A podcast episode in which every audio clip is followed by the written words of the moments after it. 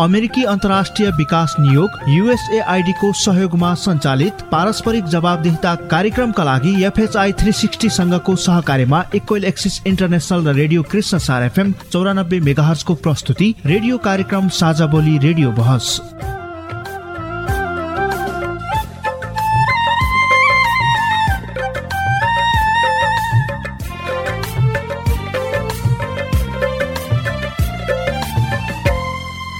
नमस्कार। साझा बोली रेडियो बहसमा तपाईँलाई स्वागत छ। म माया अधिकारी। साझा बोली रेडियो बहसमा हामी नागरिक समाज आम सञ्चार माध्यम र सार्वजनिक निकाय बीचको पारस्परिक जवाबदेता र आपसी दिगो सम्बन्धका विषयमा बहस गर्छौं।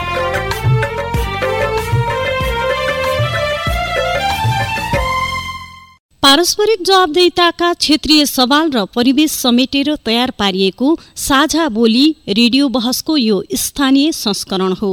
आजको साझा बोली रेडियो कृष्णसार एफएम चौरानब्बे मेगा हर्सले उत्पादन गरेको हो।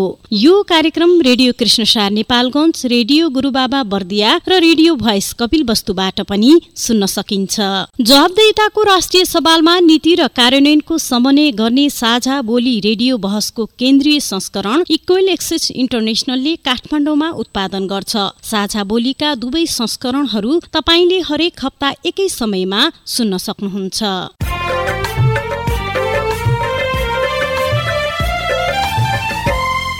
साझा बोली रेडियो बहसको यस सत्रको यो स्थानीय संस्करणको आज पाँचौं भाग हो। झण्डै चार वर्ष अघिदेखि प्रसारण भइरहेको साझा बोली यस वर्ष रेडियो बहसका रूपमा उत्पादन तथा प्रसारण भइरहेको छ।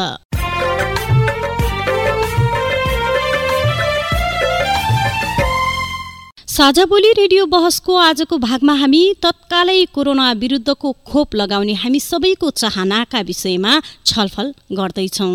कोरोनाबाट बस्नका लागि एकमात्र भरपर्दो उपाय भनेको खोप हो। त्यो खोप छिटो तुरुन्तै लगाइहाल्न पाए भन्ने हामी सबै नागरिकको चाहना छ तर सबैले खोप पाउन सकिरहेका छैनौँ। आजको बहसमा हामी मुख्य गरी खोप वितरण प्रक्रिया खोपको उपयोग र खोप भण्डारणका बारेमा कुराकानी गर्नेछौँ। जसको पहुँच छ त्यो व्यक्तिहरूको सहज तरिकाले खोप लिएको पाउन देख्न सक्छौँ हामी।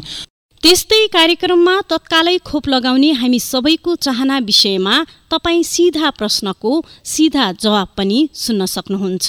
पूर्ण रूपमा बाँकेले पाउनुपर्ने सम्पूर्ण कोटाभित्रको भ्याक्सिन आइपुगेन। किनभने स्वास्थ्य कार्यालयमै त्यत्रो क्यापासिटीको तपाईँको कोल्ड स्टोरेज छैन। नागरिकको खोप लगाउने चाहना पूरा गरिदिन सरकारवाला जवाफदेही बन्न आवश्यक छ। यो बेला स्थानीय तह नीतिगत रूपमा कार्यविधि सहित नै प्रस्तुत भई सम्पूर्ण नागरिकलाई खोपमा पहुँच गराउन ल्याइएको खोप पनि वितरण प्रक्रिया उचित र खोपको भण्डारणको पनि उचित उचित व्यवस्था गरिन अत्यावश्यक छ। र त्यतिखेर मैले चाहिँ तपाईँले भने जस्तै यो आवाज उठाउने छु र साझा बोली रेडियो बहस अमेरिकी अन्तर्राष्ट्रिय विकास नियोग युएसएआईडी मार्फत अमेरिकी जनताहरूको सहयोगका कारण सम्भव भएको हो। यस कार्यक्रमभित्रका विषयवस्तु र सामग्री पारस्परिक जवाबदेहिता कार्यक्रमका एकल जिम्मेवारी हुन्। र यहाँ प्रस्तुत भनाइले युएसएआईडी वा अमेरिकी सरकारको विचार प्रतिबिम्बित गर्छन् भन्ने जरुरी छैन। रेडियो बहस साझा बोलीमा तपाईँलाई फेरि स्वागत छ। कोरोना विरुद्धको खोप लगाउने चाहनाका विषयमा आजको अङ्कमा छलफल गर्नका लागि यतिखेर कार्यक्रममा उपस्थित भइसक्नु भएको छ। बाँकेको कोहलपुर नगरपालिकाका विधेयक समितिका संयोजक भीम बहादुर नेपाली र गैर सरकारी संस्था महासंघ बाँकेका सचिव आशिष वर्मा यहाँहरू दुवैजनालाई कार्यक्रममा स्वागत छ। धन्यवाद मायाजी। हामी खोप वितरण प्रक्रियाका बारेमा पत्रकार दीर्घराज उपाध्यायको आवाज सुनौ त्यसपछि छलफल गरौँ। अब खोप साठी वर्षभन्दा माथिकालाई दिने भनियो र आह्वान पनि साठी वर्षभन्दा माथिकालाई मात्रै खोप लिन आउनु भनेर भनियो। तर खोप लगाउने मान्छेहरूले जब फोटो हाले फेसबुकमा त्यसमा चाहिँ तिस चालिस पचास वर्षको उमेरका थिए। साठी वर्षका कसैको फोटो पनि थिएन सामाजिक सञ्जालमा। त्यसले खालको विवाद सिर्जना भयो र त्यो रोक्न पर्ने स्थिति पनि आयो। हामीले समस्या त सुन्यौँ। कोहलपुर नगरपालिका कार्यपालिका सदस्य तथा विधेयक समितिका संयोजक ज्यू खोप वितरण प्रक्रिया कस्तो छ? मायाजी यो नेपालमा हामीलाई यो कोरोनाले थला पारिसकेपछि अब यसको बाँच्ने उपायहरू हाम्रा भौतिक दूरीलाई अलिक टाढा राख्ने त्यसपछि गएर मास्क लगाउने कुरालाई बढी प्राथमिकताका साथ हामीले प्रचार प्रसार पनि गऱ्यौँ। र पछिल्लो चरणमा आएर खोप नै यसको अब मुख्य यसलाई हामीलाई बच्नका निम्ति आवश्यक पर्ने खोप नै हो भन्ने कुरा आयो। यसमा हजुरले भने जस्तै यो को कोरोना विरुद्धको खोप कोभिड भ्याक्सिन यो हाम्रो सङ्घीय सरकारले यसलाई वितरण गर्ने प्रणाली छ। हाम्रो कोभिड व्यवस्थापन समिति हाम्रो सङ्घीय सरकार मार्फत जिल्लामा प्रमुख जिल्ला अधिकारी त्यसपछि गएर प्रत्येक पालिकामा पर नगर नगर प्रमुखजीको अ, संयोजकत्वमा समन्वय समितिहरू गठन हुन्छन् र ती मार्फत सङ्घीय सरकारले पठाएको स्वास्थ्य मन्त्रालय अन्तर्गत पठाएका ती भ्याक्सिनहरूलाई जिल्लाको हकमा कुरा गर्दाखेरि पहिला सुरुमा बाँकी जिल्लाको कुरा गर्दाखेरि बाँकी जिल्लाको जिल्ला जनस्वास्थ्य कार्यालयमा आउँछ र त्यसपछि पत्रकार दीर्घराज उपाध्यायले भनेको जस्तो सङ्घीय सरकारले पठाएको नीति निर्देशन अनुसार वितरण हुन्छ भन्ने कुरामा चाहिँ स्थानीय तहमा त्यस्तो समस्या किन देखिरहेको छ? मैले सुने उहाँको भनाइ पनि हाम्रो पत्रकारज्यू दीर्घराज उपाध्यायजीले भन्नुभयो। त्यो कुरा सुन्दाखेरि अब यो मैले ठ्याक्कै हामी जुन तहमा जुन स्थानीय तहमा जुन जिल्लामा रहेको हाम्रो प्रमुख जिल्ला अधिकारीज्यू त्यस्तै गरी प्रत्येक पालिकाका नगर प्रमुखज्यूहरूले फोकस गरेर हाम्रा कर्मचारी साथीहरूलाई जुन स्वास्थ्यका कर- कर्मचारी साथीहरूलाई त्यो सूचना प्रवाह चाहिँ प्रभाव प्रभावकारी ढङ्गले यो बाइक हुँदैन। यो भएपछि कारबाही हुन्छ। यसलाई चाहिँ हामी पछि यसको यो खोपहरू अरू जनताका लागि पछि आउँदैछ भन्ने कुरालाई प्रभावकारी ढङ्गले सूचना प्रवाह गरेर बुझाउन सकेको अवस्थामा चाहिँ त्यस्तो छैन।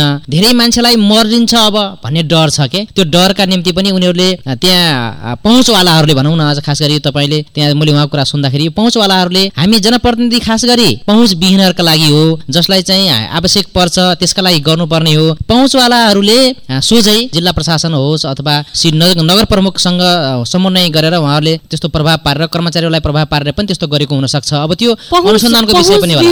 पहुँचविहीनहरूको आवाजका लागि जनप्रतिनिधिहरू भएको भए त्यस्तो अहिले जुन हामीले आवाज सुन्यौँ त्यस्तो समस्या देखिन्थ्यो त। यो कार्यान्वयनको तहमा कुरा गर्ने हो भने। कार्यान्वयन तपाईँले भने जस्तै समस्याहरू यो बुझाइमै छ।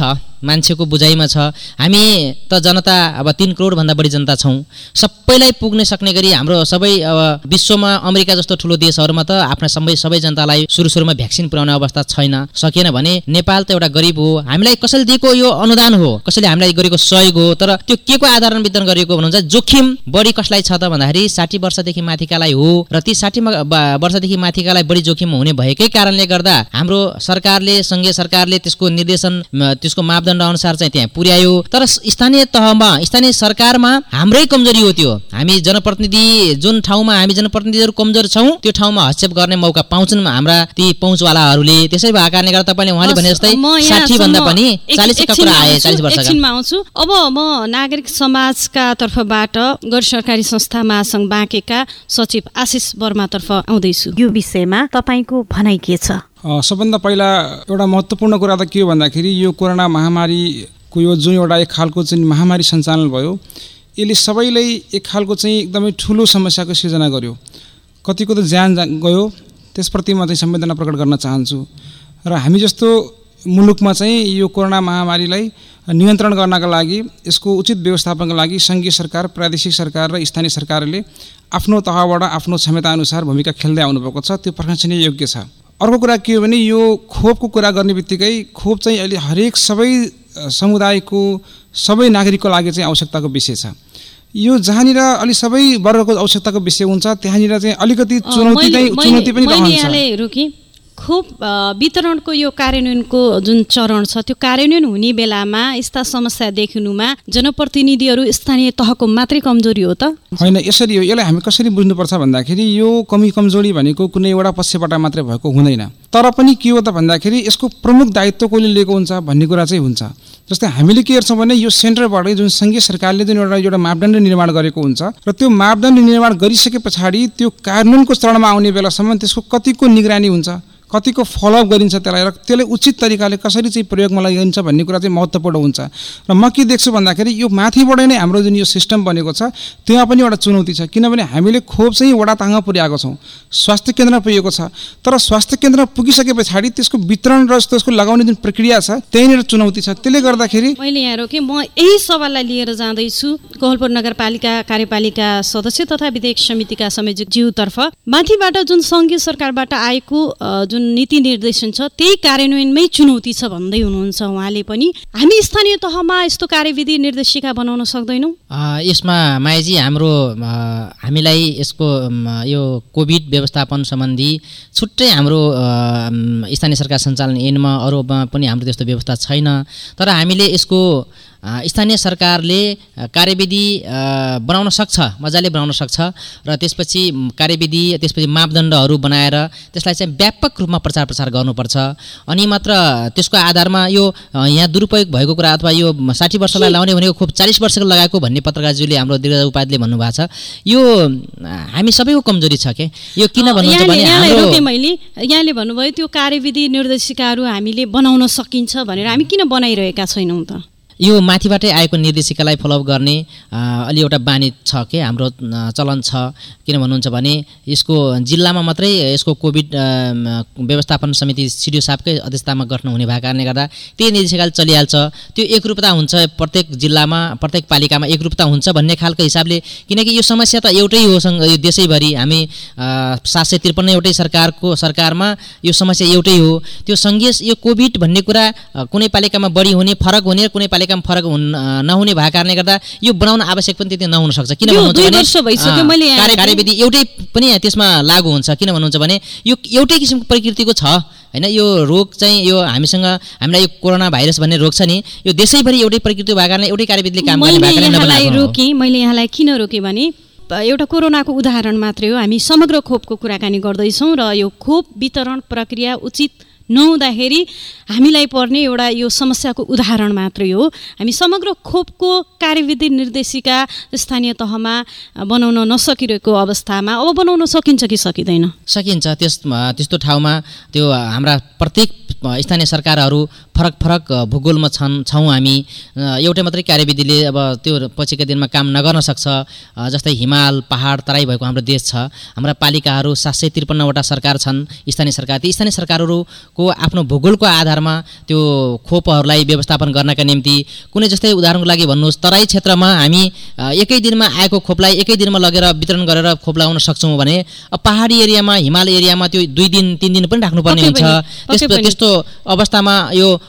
कोल्ड चेन मेन गर्नुपर्ने हुन्छ कि चिसो चिस्यानको एउटा व्यवस्थापन गर्ने त्यसलाई हामी बनाउनका निम्ति। यहाँलाई मैले त्यहाँ त्यही लाइनमा मैले समर्थन गर्दै भन्न चाहेँ। अब कोलपुर नगरपालिकामा खोप वितरण प्रक्रियालाई उचित बनाउनका लागि यहाँहरूको कार्यकालको अन्तिम वर्ष छ यो। अब तपाईँको पहल के हुनेछ? तपाईँको भूमिका के हुनेछ? तपाईँ त विदेश कोलपुर नगरपालिकाको हकमा हामीले कोलपुर नगरपालिकाको हकमा हामीले स्वास्थ्य नीति पनि निर्माण गरिसकेका छौँ। त्यो स्पेसल नीति त्यसलाई विशेष गरेर फो स्वास्थ्यलाई मात्रै फोकस गरेर एउटा नीति पनि निर्माण भएको छ। त्यसपछि हाम्रो स्थानीय कोलपुर नगरपालिकाको स्वास्थ्य ऐन पनि निर्माण गरेका छौँ। त्यसै गरेर त्यसभित्र त्यो स्वास्थ्य ऐन अन्तर्गतसँगै हामीले त्यसलाई नियन्त्रण गर्ने नियमन गर्ने कार्यविधि पनि बनाइसकेका छौँ। त्यसले यो खोप वितरण प्रक्रियालाई त्यसमा व्यवस्थापन गर्न समेटेको छ?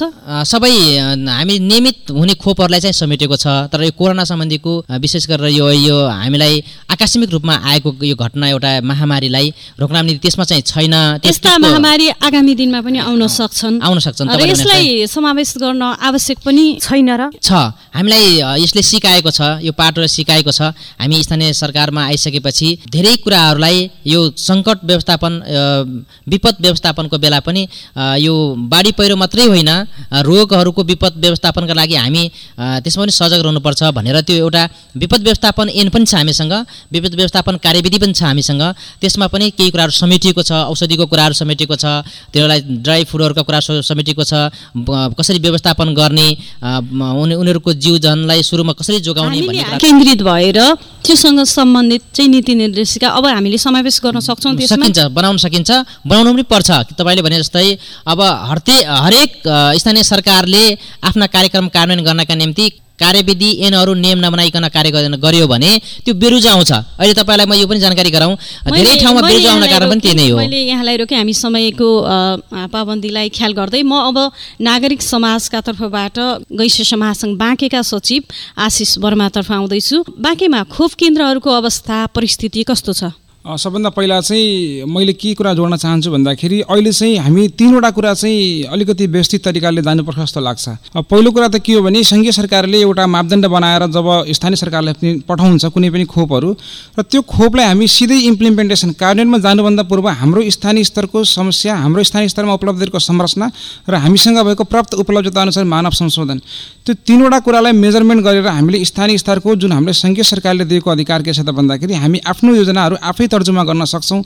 त्यो योजना तर्जुमामा मैले समस्या देख्छु। एक दोस्रो कुरा के छ त भन्दाखेरि हामीले खोप केन्द्रको नाममा हामी के गर्छौँ त भन्दाखेरि खोपहरू हामीले चरणबद्ध रूपमा नेपालगञ्जमा बाँकीमा सञ्चालन भएको छ।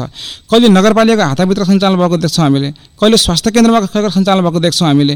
कहिले अनर्थ कुनै कुनै विद्यालयमा सञ्चालन भएको देख्छौँ हामी। कहिले अस्पतालमा सञ्चालन भएको देख्छौँ हामी। र त्यो के हुन्छ त भन्दाखेरि सामाजिक सञ्जाल मार्फतबाट सूचना प्रवाह गरिन्छ।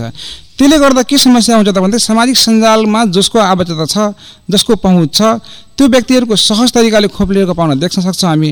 तर हामीले एउटा विधि र प्रक्रिया अनुसार स्थानीय स्तरमा ग्रामीण समुदायमा संहिताको मर्म अनुसार एउटा वडा वडा तहमा जानुपर्ने जुन तरिका खोपहरू हो त्यो अझै पनि सरल तरिकाले पुग्न सकेको छैन। एउटा कुरा। दोस्रो कुरा चाहिँ के छ भन्दाखेरि अहिले यहाँले चर्चा गरिराख्नु भएको विषय चाहिँ के छ भन्दाखेरि स्थ- स्थानीय स्तरको नियम नीति कानुन बनाउने कुराहरू। हामी नागरिक सेवा सञ्जालको तर्फबाट एकदम जोरदार माग चाहिँ के गर्न चाहन्छौँ भने सङ्घीय सरकारले हामीले प्रदान गरेको अधिकार जुन छ त्यसअनुसार हामीले नीति कानुन कानुन पनि बनाउन जरुरी छ। तर नेपालमा सबैभन्दा ठुलो समस्या के देख्छौँ हामीले भन्दाखेरि नीति नियम कानुन त्यो थुप्रो हुन्छ हामीसँग।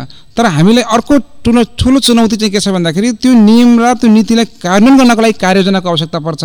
जुन कुरा हामी कहीँ न कहीँ सुकिरहेको देख्छौँ हामी। र कार्ययोजना निर्माण भइसके पछाडि त्यसको कार्यान्वयनको लागि अर्को ठुलो पार्ट के हो त भन्दाखेरि बजेट। बजेट भएन भने पनि हामी यसलाई प्रभावकारी रूपमा सञ्चालन गर्न सक्दैनौँ। र नेपालको बाँकी जिल्लाको हकमा कुरा गर्नुहुन्छ भने हामी जिल्ला एकछिन म तपाईँलाई जोड्दैछु कोभिड सङ्क्रमण व्यवस्थापन समिति छ त्यो समितिमा हामी सदस्य छौँ एनजिओ फेडरेसन बाँके। त्यहाँनिर हामीले पटक पटक एउटै आवाज के बुलन्द गर्छौँ भने स्थानीय सरकारहरूले स्थानीय कोभिड सङ्क्रमणको जिम्मेवारी पाइसके पछाडि उनीहरूले कुल बजेटको कति प्रतिशत बजेट चाहिँ कोभिड सङ्क्रमण र अन्य रोग व्यवस्थापनको लागि खर्च गर्दैछ र कति योजना बनाएको छ भन्दा हामी जति सन्तोषजनक भएको पाउँदैनौँ। अब म कोहलपुर नगरपालिकाका कार्यपालिका सदस्य तर्फ लागेँ। जस्तो उहाँले पनि भन्नुभयो खोप केन्द्रहरू कहिले यता कहिले उता छ यसले गर्दाखेरि नागरिकलाई असहज भएको अवस्थालाई कतिको आत्मसात गरिरहनु भएको छ? अ, मायाजी यो तपाईँले यो कुरा चाहिँ ठिकै हो। योभन्दा हामी जनप्रतिनिधि बिस बिस वर्षपछि स्थानीय सरकारको यो स्थानीय चुनाव भइसकेपछि हामी बिस वर्षपछि आयौँ। र त्यति हामी आउँदासम्म म कोलपुर नगरपालिकाको हकमा कुरा गर्छु। हामीसँग जम्मा तिनवटा स्वास्थ्य चौकी थिए। एउटा कोलपुर नगरपालिका कोलपुर स्वास्थ्य चौकी रजेना र शमशेरगञ्ज मात्रै थिए। तर अहिले हामी त्यो खोप लाउने पनि त्यही स्वास्थ्य केन्द्रमा पुग्नु पर्थ्यो। त्यसै गरेर केही गाउँघर क्लिनिक भनेर छुट्टै एउटा भवन बनाएका त्यस्ता हामी- थिए हामी तर त्यहाँसम्म नजाउँ। मैले थोरै म अ, जोड्दैछु। कोरोनाकै- कुरा पनि गर्छु। म यो- अन्य खोपको कुरा पनि गर्छु। अहिले हामी कोलपुर नगरपालिकामा पन्ध्रवटा वडामा छ भने प्रत्येक वडामा हाम्रो आधारभूत स्वास्थ्य चौकी छन्। हाम्रो आफ्नै छन्। ती जनताहरू त्यहाँ पुगेर उहाँहरूले आफ्ना त्यो खोप सम्बन्धीको सेवा लिइरहनु भएको छ। र कोरोनाको हकमा योभन्दा पहिले कोरोनाको खोप लाउनु पऱ्यो भने जिल्लामा हाम्रो भेरी हस्पिटलमा जानु पर्थ्यो। त्यस्तै गरी नेपालगञ्ज मेडिकल कलेजमा आउनु पर्थ्यो भने अहिले हामी कोलपुर नगरपालिकाको आफ्नै हलमा र अहिले पछिल्लो चरणमा अहिले आउँदैछ एघार हजार डोजहरू आउँदैछ। त्यो एघार हजार डोज हामी यही साउनको सात र आठ गते यातायात मजदुरहरूलाई र त्यसपछि गएर शिक्षक र पचपन्न वर्ष उमेर माथिका अन्य नागरिकहरूलाई प्रत्येक सम्बन्धित वाडामा नै प्रत्येक वाडाको आधारभूत स्वास्थ्य केन्द्रमा नै खोप लाउने व्यवस्था गरेका छौँ र त्यो सुरु हुँदैछ। हाम्रो कोलपुर नगरपालिकाको हकमा दस बाह्र र एघार गतेलाई समय छ। र यसरी नै तपाईँले भने जस्तै खोप केन्द्र टाढा भएका कारणले पनि त्यो समस्याहरू थिए विगतमा। अब म नागरिक समाजतर्फ आउँदैछु। गैस महासङ्घ बाँकेका सचिवज्यू यो वितरण प्रक्रियामा अपाङ्ग मैत्री कतिको भइरहेको पाउनु भएको छ। सीमान्तकृत पछाडि पारिएका यौनिक तथा लैङ्गिक अल्पसङ्ख्यकहरू यिनीहरूको समावेशीकरणको अवस्था कस्तो छ यो खोप वितरण प्रक्रियामा? उहाँहरूले पाइरहनु नागरिक समाज सञ्जालको प्रमुख भूमिका नै के हुन्छ त भन्दाखेरि देशमा रहेको जहिले पनि सीमान्तकृत वर्गको लागि जनजाति अपाङ्गता भएको महिला र पछाडि परेको वर्गको लागि वकालत गर्ने काम नै हाम्रो प्रमुख लक्ष्य हुन्छ। त्यस अन्तर्गत हेर्दाखेरि हामी के भन्छौँ त भन्दाखेरि यो स्थानीय सरकारको मात्रै होइन कि सङ्घीय सरकारले पनि जुन योजना निर्माण गरिरहेको छ जुन खोपहरूको जुन एउटा प्रथामीकरण गरिरहेको छ त्यो खोपहरूको प्रथामीकरण गर्ने बेलामै यो अलिकति छाया परेको भन्ने हामी पहिलो हामी चाहिँ यसलाई एउटा हामी चाहिँ यसको निष्कर्ष निकाल्छौँ। दोस्रो कुरा के छ भन्दाखेरि अघि पनि मैले एउटा कुरा के उठाएको छु त भन्दाखेरि त्यसै कारणले अपाङ्गता भएको गाउँमा अलिकति बसेर हाउसवाइफ भन्छौँ जसलाई हामी। उहाँहरूको सहज पहुँच हुने गरी। र गाउँमा अझ रिक्सा भाडा तिरेर पनि आउन नसक्ने व्यक्तिहरूलाई पनि खोप जुन साठी वर्षको हामी कुरा गऱ्यौँ त्यस्तोहरूको लागि पनि र अझै सीमान्तकृत समुदायलाई पहुँच होस् भन्ने दृष्टिकोणले नै हामी के भन्दैछौँ भने उहाँहरूकै गाउँमा उहाँहरूकै टोलमा गएर यो खोपहरू लगाउनु पर्छ भन्ने कुरा हामी जोड्नु कारण नै त्यही हो पहिलो कुरा। र अझ समग्रमा हेर्दाखेरि अझै सङ्घीयबाट सङ्घीय सरकारबाट नै यो जुन हामी यो लक्षित वर्ग भन्छौँ लक्षित वर्गको लागि अझै पनि खोपको चाहिँ उचित प्रावधान भएको छ जस्तो हाम्रो लाग्दैन। म यही सवाललाई लिएर जाँदैछु।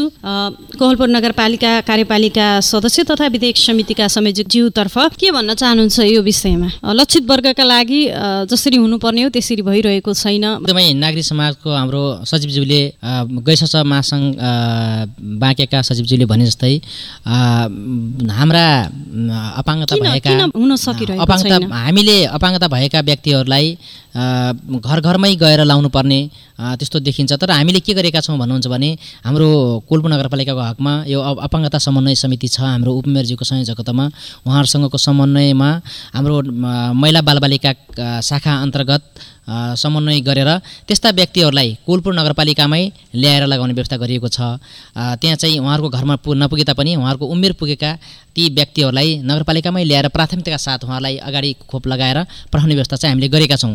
हामीले यो खोपहरूको कुरा गर्दाखेरि हामीले पाँच हजार कोलपुर नगरपालिकामा पाँच हजार तिन सय पैँसठीजनाले चाहिँ योभन्दा अगाडि लगाइसक्यौँ भने अब अहिले अहिलेको चरणमा अब एघार हजारलाई आउँदैछ। अझै त्यो चाहिँ अपुगो हो कोलपुर नगरपालिकाको हकमा तैपनि अब हामी यसलाई नियमित प्रक्रिया अन्तर्गत आउँदा माथिबाट आउने बित्तिकै हाम्रा जनताहरूलाई चाहिँ त्यो खोपहरू लगाउने क्रम चाहिँ जारी गरिरहेका छौँ। रेडियो बहसमा अब हामी अर्को एउटा आवाज सुन्छौँ त्यसपछि छलफल गर्छौँ। म पर्मिला पौडेल विजयनगर गाउँपालिका वार्ड नम्बर दुई मजुवानगर सबै वितरण समान तरिकाले हुन पर्यो जसलाई आएको उसैले चाहिँ पाउन पर्यो। अब कुनै कुनै जिल्लामा अब पहुँच भएर होइन सानो उमेरकोले पनि लगाइराखेका छन्। हामी वितरण प्रक्रियाका बारेमा कुराकानी गर्दैथ्यौँ धेरै कुराकानी हामीले गरिसकेका छौँ। उहाँको आवाजलाई कसरी सम्बोधन गर्न चाहनुहुन्छ? विधेयक समितिका संयोजकज्यू। धन्यवाद पर्मिलाजी। अब उहाँको आवाज सुने मैले। उहाँले भने जस्तै मैले अघि नै पनि भने हाम्रो देशमा अलिकति यो नैतिकताको हामीलाई चाहिँ खडेरी छ। हामी कस्ता मान्छे हौँ भन्ने कुरा हामी सबै नागरिकले बुझ्न जरुरी छ। हाम्रा नागरिकहरू जसको अगुवाई गर्नुहुन्छ ती अगुवाई गर्ने मान्छेहरूले अगुवाई गर्ने मान्छेहरूले नै त्यस्ता दुरुपयोग गरेको पनि देखिन्छ। त्यो चाहिँ गलत हो। उहाँले भने जस्तै सबैले जसलाई आएको हो उमेर समूह त्यसपछि गएर लक्षित वर्ग जुन सरकारले तोकेर पठाएको छ जस्तै अब उदाहरणको लागि अहिले अब गलत प्रक्रियालाई हामीले कसरी सुधार्न सक्छौँ? त्यो गलत प्रक्रियालाई हामी स्थानीय तहका जनप्रतिनिधिहरू कडाइका साथ लाग्नुपर्छ। हाम्रो वडा अध्यक्षज्यूहरू पनि त्यसपछि कार्यपालिका सदस्य नगर प्रमुख प्रमुखज्यूहरूले यो चाहिँ कसैको दया मायाका लागि कसैको पहुँचकै आधारमा दिने गरियो भने त्यो चाहिँ राम्रोसँग धेरै धेरै धन्यवाद। तपाईँ अहिले पारस्परिक जवाबदेता प्रवर्तनका लागि साझा बोली रेडियो बहस सुन्दै हुनुहुन्छ।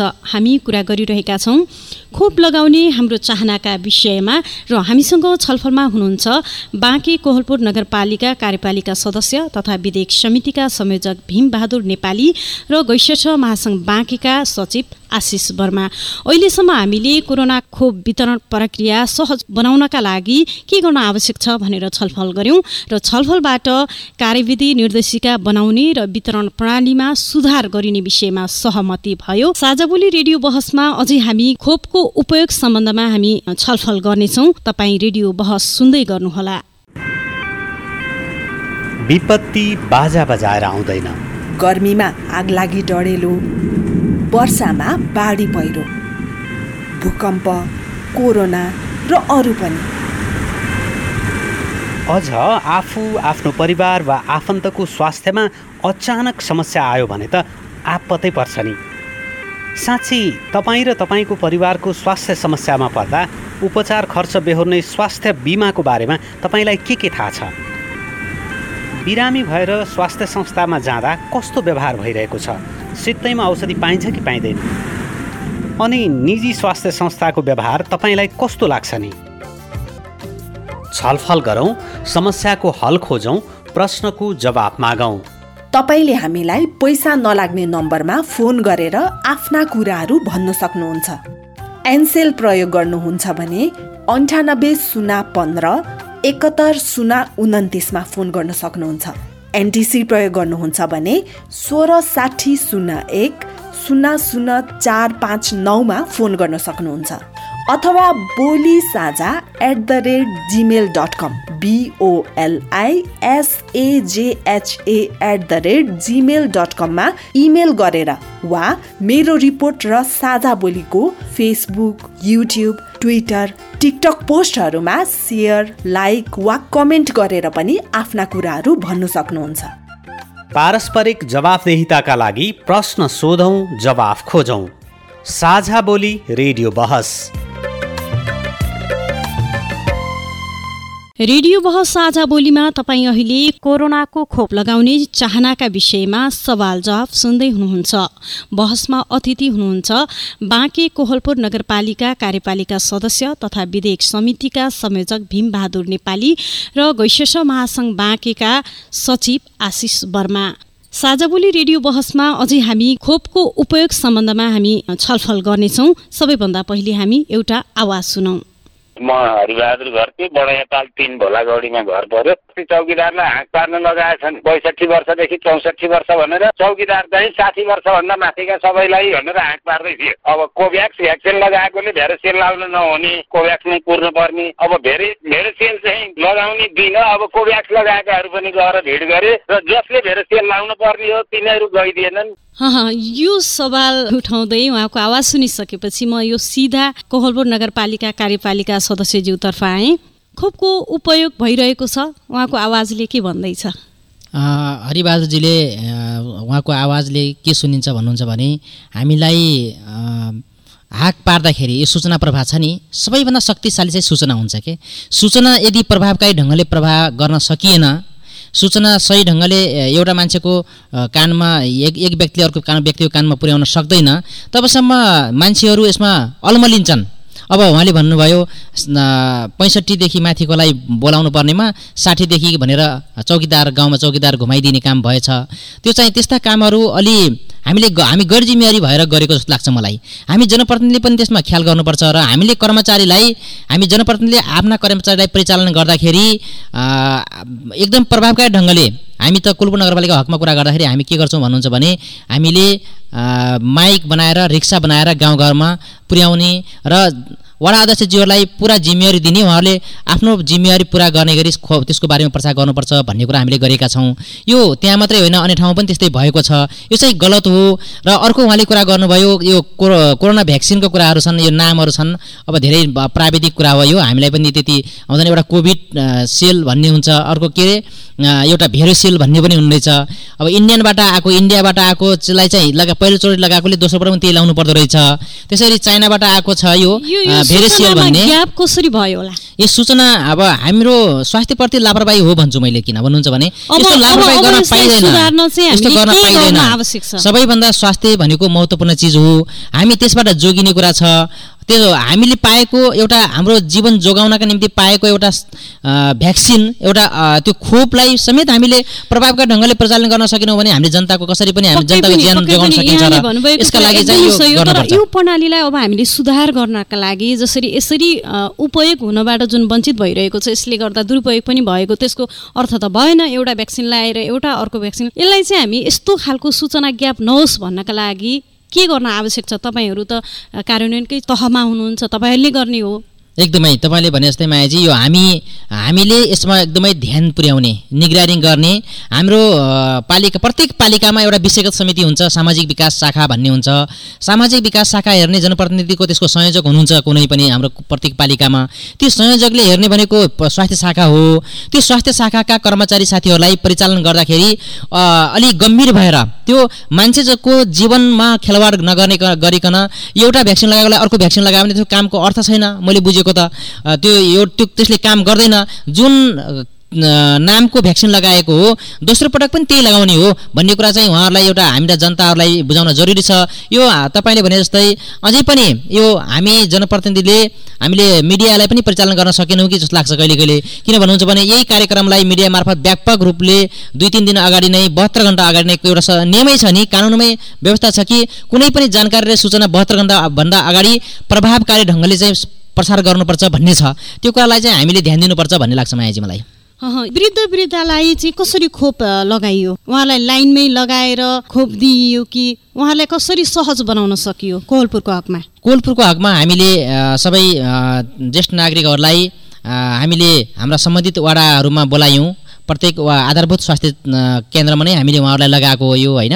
प्रत्येक वडाका जनप्रतिनिधिहरू पुरै हाम्रा जनप्रतिनिधिहरू खट्नुभयो र कर्मचारी स्वास्थ्य कर्मीहरू त्यसपछि गएर वडाका सचिवज्यूहरू सबै हाम्रो पुरै टिम लाग्यो। प्रत्येक वडाले आफ्नो आफ्नो आधारभूत स्वास्थ्य केन्द्रमा उहाँहरूलाई बोलाएर पालै पालो बोलाएर टाइम लगाएर उहाँहरूलाई खोप लगाइसकेपछि आधा घन्टा उहाँलाई रेस्ट गराएर उहाँहरूमा कुनै त्यस्तो साइड असर पऱ्यो कि साइड इफेक्ट पऱ्यो कि भनेर उहाँहरूको त्यो हेरेर त्यस्तो परेका मान्छेहरूलाई फेरि सम्बन्धित भेरी हस्पिटलमा त्यसपछि गएर मेडिकल कलेजमा अलिक ठुलो हस्पिटलमा चाहिँ रिफर गरेर एकदमै ध्यान दिएर साथ उहाँलाई एकैचोटि बोलाएर लाइनमा लगाएर उभ्याएर यो घाममा त्यसो गरिएन। त्यसो गरिएन। पालै पालो बोलाएर उहाँहरूलाई बस्ने ठाउँ राखेर यहाँसम्म आउनेछु।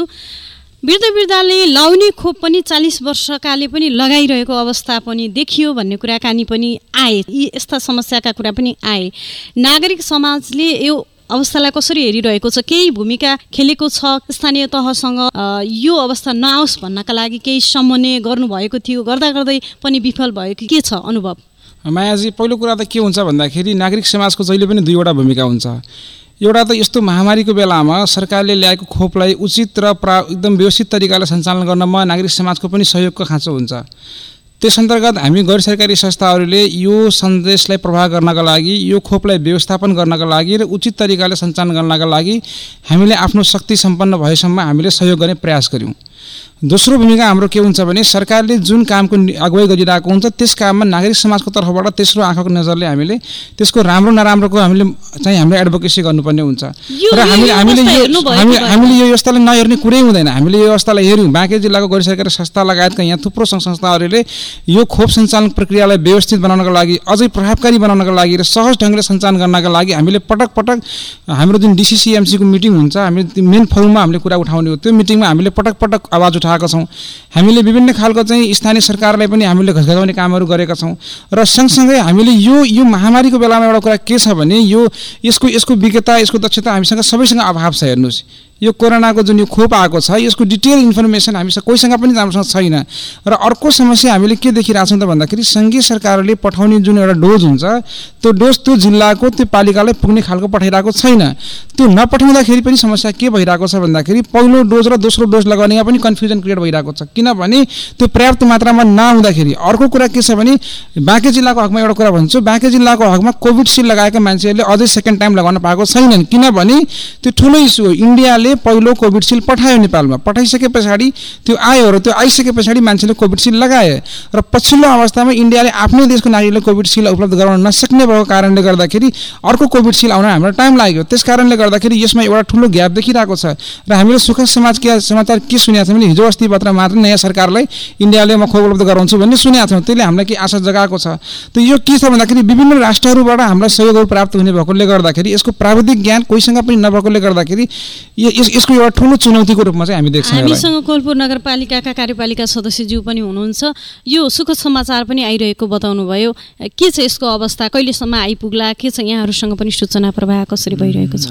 तपाईँले भने जस्तै मैले अब इन्डियाबाट चाहिँ यो कोभिडसिल्डको बारेमा चाहिँ त्यति जानकारी छैन। अब नयाँ चाहिँ अर्को हिजोदेखि सुरुवात भएको छ एउटा अमेरिकाले पठाएको नयाँ किसिमको एउटा मात्रै खोप लाउनु पर्ने भन्ने कुरा चाहिँ त्यो बाहिर आएको सुनेको छ।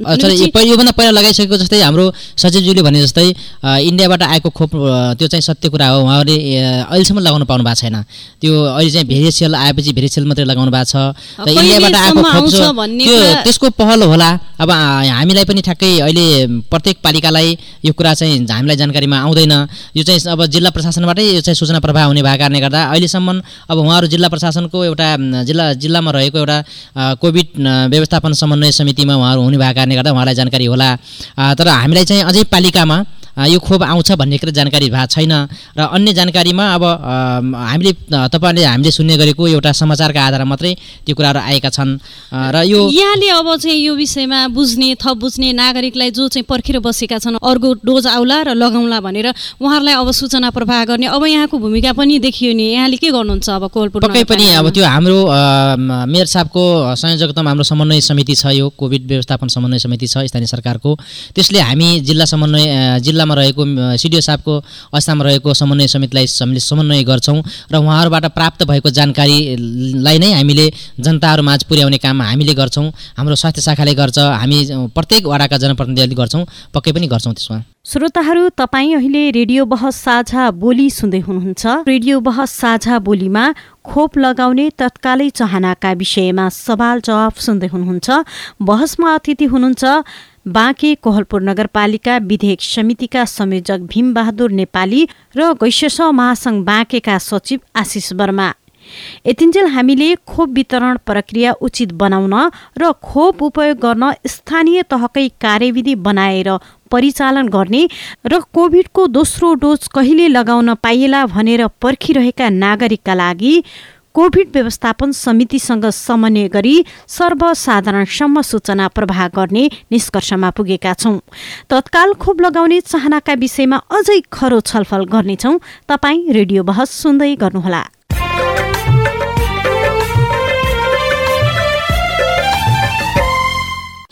रेडियो बहसमा अब भने हामी खोप भण्डारणका विषयमा कुराकानी गर्नेछौँ छलफल गर्नेछौँ र यो छलफल बहस सुरु हुन अघि हामी एउटा आवाज सुनौ। बाँकेको पूर्ण रूपमा बाँकेले पाउनुपर्ने सम्पूर्ण कोटाभित्रको भ्याक्सिन आइपुगेन। किनभने स्वास्थ्य कार्यालयमै त्यत्रो क्यापासिटीको तपाईँको कोल्ड स्टोरेज छैन। हामीले आवाज सुन्यौँ। म यो सिधा कोहलपुर नगरपालिका कार्यपालिका सदस्यज्यूतर्फ आएँ। के भन्न चाहनुहुन्छ? भण्डारणको समस्या खोपको भण्डारणका समस्याका कारण बाँकेमा आउनुपर्ने खोप आउन सकेन भन्दै हुनुहुन्छ।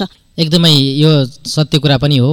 हामीसँग यो सबैभन्दा आवश्यक पर्ने खोपको भ्याक्सिनलाई त्यसको औषधिलाई चिस्यानमा मिसा मिलाएर चिस्यान त्यसको तापक्रम मिलाउने हामीसँग चाहिँ पर्याप्त मात्रामा भौतिक पूर्वाधार छैन।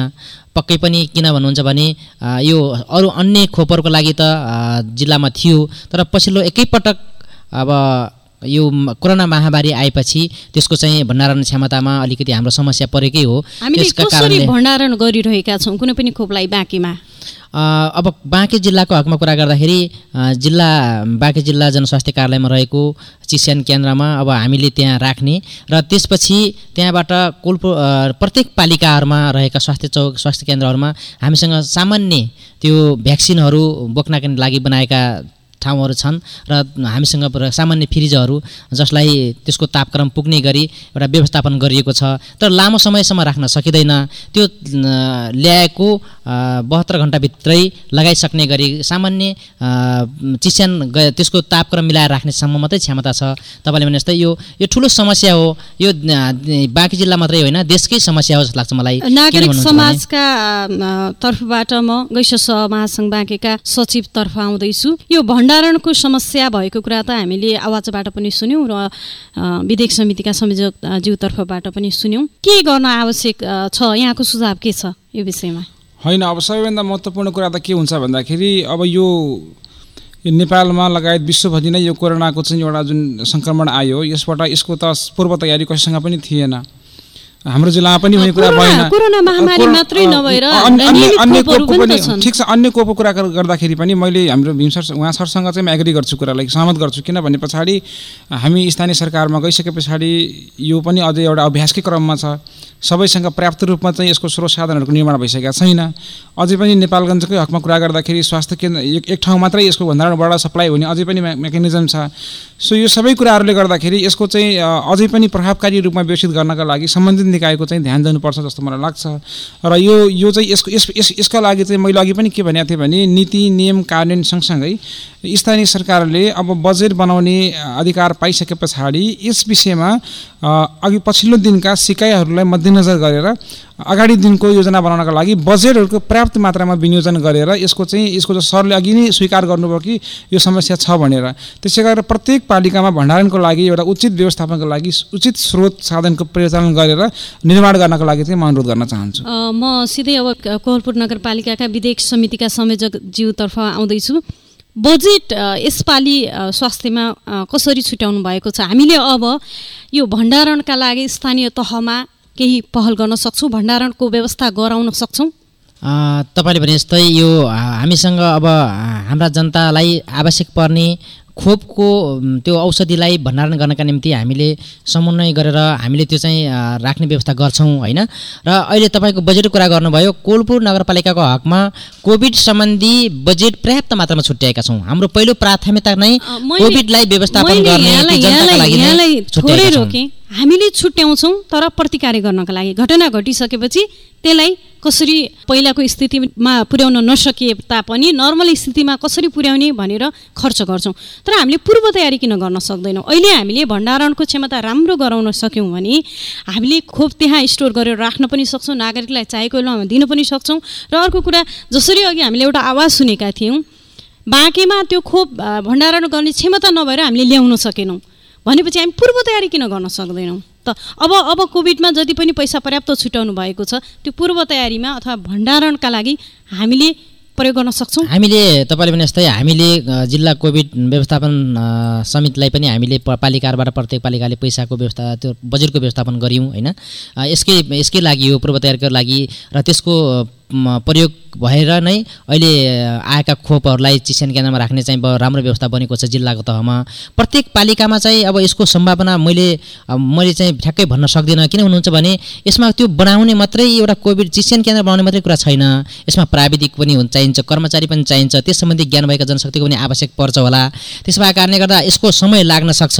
तपाईँले भने जस्तै यो गर्न जरुरी छ। अब यो प्रत्येक पालिकाले जिल्ला आफ्नै लेभलमा आफ्नै हामीले गर्न सक्छौँ भने स्थानीय तहमा गर्न सक्दैनौँ प्राविधिक जनशक्ति त्यो लेभलको तयारी हामी गर्न सक्दैनौँ। सकिन्छ तर यसको टाइम समय लाग्ने लाग्ने देखिन्छ। र अलिकति अब जिल्लाबाटै हुने भएपछि एउटा जिल्ला भनेको धेरै टाढा भयो भने अब राप्ती सुनारी चाहिँ अलिक बढी टाढा होला होइन? भने सोह्र किलोमिटर बिस पच्चिस किलोमिटर कोलपुरको कुरा गर्दाखेरि सोह्र किलोमिटर टाढा छौँ हामी जिल्लाबाट होइन? अब अन्य पालिका अन्य अन्य सबैभन्दा नरेनापुर र त्यसपछि गएर राप्ती सुनारी नै टाढा हो। उनीहरूको लागि चाहिँ बिचमा म, गराउन सकिन्छ होला त्यस्तो गर्न सकिन्छ होला। नत्र भने यसको खर्चको हिसाब पनि ठुलै लाग्छ भनौँ किन भन्नुहुन्छ भने एउटा सामान्य शीत भण्डारण तरकारी राख्नका निम्ति बनाउनलाई त अरबौँ रुपियाँ हामीले करोडौँ रुपियाँ हामीले लाग्छ कोरोना महामारीको खोप कोरोना महामारी विरुद्धको खोपका मात्रै कुरा गरिरहेका छैनौँ। हामीले नियमित खोपहरू जुन लगाउने गरिन्छ त्यसको भण्डारणका पनि कुरा गरिरहेका छौँ जुन जहिलेसुकै हामीलाई आवश्यक पर्छ। पक्कै पनि त्यसको लागि त छ। हामी प्रत्येक पालिकाहरूमा हाम्रा स्वास्थ्य केन्द्रहरूमा हामीसँग आइस बक्सहरू छ। हामीले त्यो बहत्तर घन्टे 72 भन्दा घन्टा, पनि हामीले लामो समयसम्म राख्न सक्ने खालको हामीलाई सामान तपाईँले भने जस्तै ठुलो एकदमै धेरै मात्रामा राख्ने चाहिँ छैन। तर हामीलाई आवश्यक पर्ने नियमित खोपका निम्ति चाहिँ प्रत्येक पालिकामा छ। उहाँहरूले आफ्नो स्वास्थ्य स्वास्थ्य चौकी अन्तर्गत रहेका हामीसँग डिप फ्रिजहरू होइन त्यस्तो किसिमको फ्रिज चाहिँ छ। तर ठुलै चिसेन केन्द्र तपाईँले भने जस्तै अलिक ठुलै जस्तै शीत भण्डार भण्डार बना शीत भण्डार बनाएको जस्तै त्यस्ता चाहिँ कुनै पालिकामा महसुस छ। एकदमै छ आवश्यक छ। किन भन्नुहुन्छ भने म तपाईँलाई एउटा जानकारी गराउँ। हाम्रो विकास भन्न बित्तिकै विकास भनेको खालि भौतिक पूर्वाधार निर्माण गर्ने बाटोघाटो का कालोपत्री गर्ने भन्ने छ। हामी जनप्रतिनिधित्व पनि त्यो छ। किनभने त्यो देखिन्छ। तर मलाई के मलाई के महसुस भएको छ भन्नुहुन्छ भने हामी दिगो विकास लक्ष्यका कुरा गर्ने हो भने दिगो विकास लक्ष्य दुई हजार के अरे त्यो तिससम्म पुरा गर्नुपर्ने छ। त्यसमा तिन नम्बरमा पर्छ स्वास्थ्य। एक नम्बरमा भोकमारी अन्त्य दुई नम्बरमा गरिबी गरिबी निवारण र तिन नम्बरमा स्वास्थ्य पर्छ।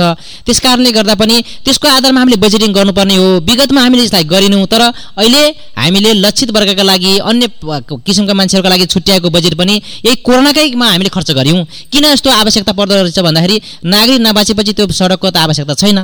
त्यो भौतिक पूर्वाज संरचनाको त आवश्यकता छैन। त्यसैले सबभन्दा पहिले भनेको नागरिकको जीवधन नै सुरक्षा गर्ने हो भन्ने कुरा सोचेका छौँ र तपाईँले भने जस्तै यो चिस्यान अथवा खोपको मात्राको त्यो तातो चिसोपन नमिलेपछि त्यो लगाएर पनि अर्थ नहुँदो रहेछ। मैले सुनेको म प्राविधिक त होइन त्यसमा जानकार मान्छे त होइन।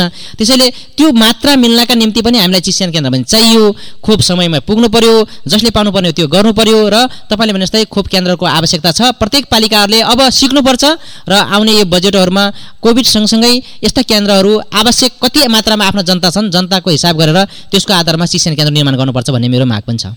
भनेपछि आवश्यकता पनि महसुस भयो।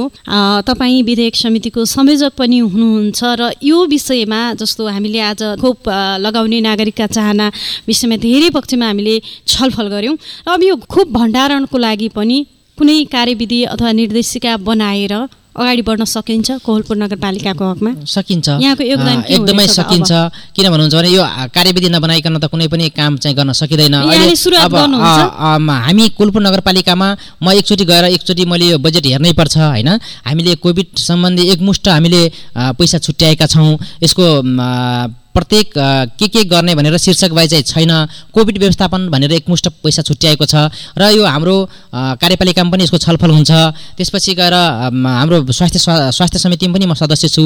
त्यसमा पनि छलफल हुन्छ। र त्यतिखेर मैले चाहिँ तपाईँले भने जस्तै यो आवाज उठाउने छु र कार्यविधिको हकमा चाहिँ कुनै दुविधा छैन। मैले अहिले एउटा एम्बुलेन्स सञ्चालन गर्नु पऱ्यो भने कार्यविधि बनाउनु पर्छ भने अब चिसन केन्द्र बनाउनका निम्ति कार्यविधि कार्यविधि बनाउन बनाउने कुरै छैन गर्छौँ। हामी कोलपुर नगरपालिकालाई त्यो महसुस हुन्छ हामी गर्छौँ त्यसमा चिन्तै गर्नु पर्दैन। तर पहिला सुरुमा हामीले त्यो बनाउनेको बजेटको व्यवस्थापन गरेका छौँ कि छैनौँ? अब तपाईँहरूको यही कार्यक्रमले पनि हामीलाई एउटा एउटा झस्काएको छ।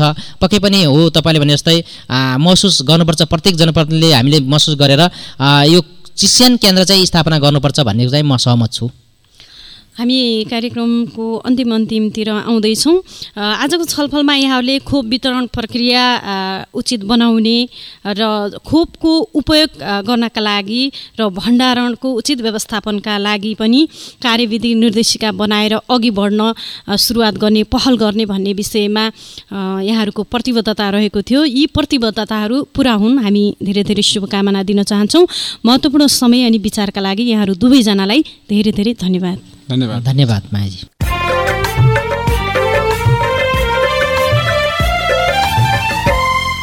हामी साझा बोली रेडियो बहसको अन्त्यमा आइपुगेका छौँ। साझा बोली रेडियो बहसबारे मनका कुरा भन्नका लागि एनटिसीको मोबाइल वा ल्यान्डलाइन फोन प्रयोग गर्नुहुन्छ भने सोह्र साठी शून्य एक शून्य शून्य चार पाँच नौमा फोन गर्न सक्नुहुन्छ।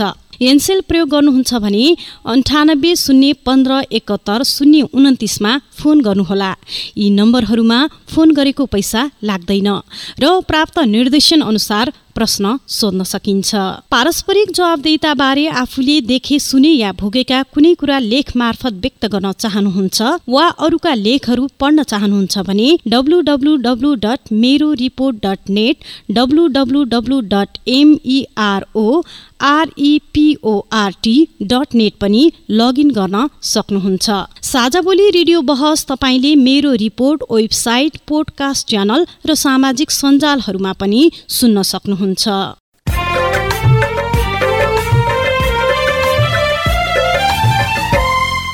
हवस् त।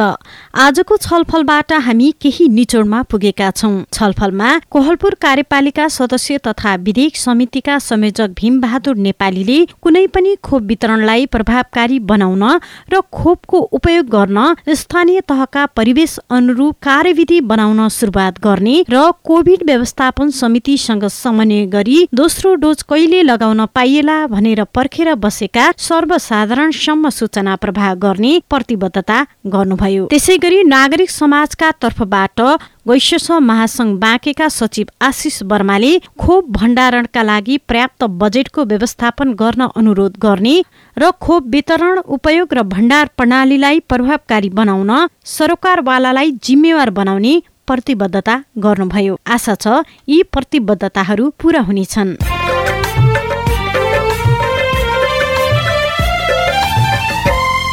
यतिन्जेल ध्यान दिएर कार्यक्रम सुन्नुभएकोमा तपाईँलाई धन्यवाद। आगामी हप्ता पनि आजको जस्तै समयमा सार्वजनिक जवाबदेताको अर्को विषयमा खरो छलफल लिएर आउनेछौँ सुन्न नबिर्सनुहोला।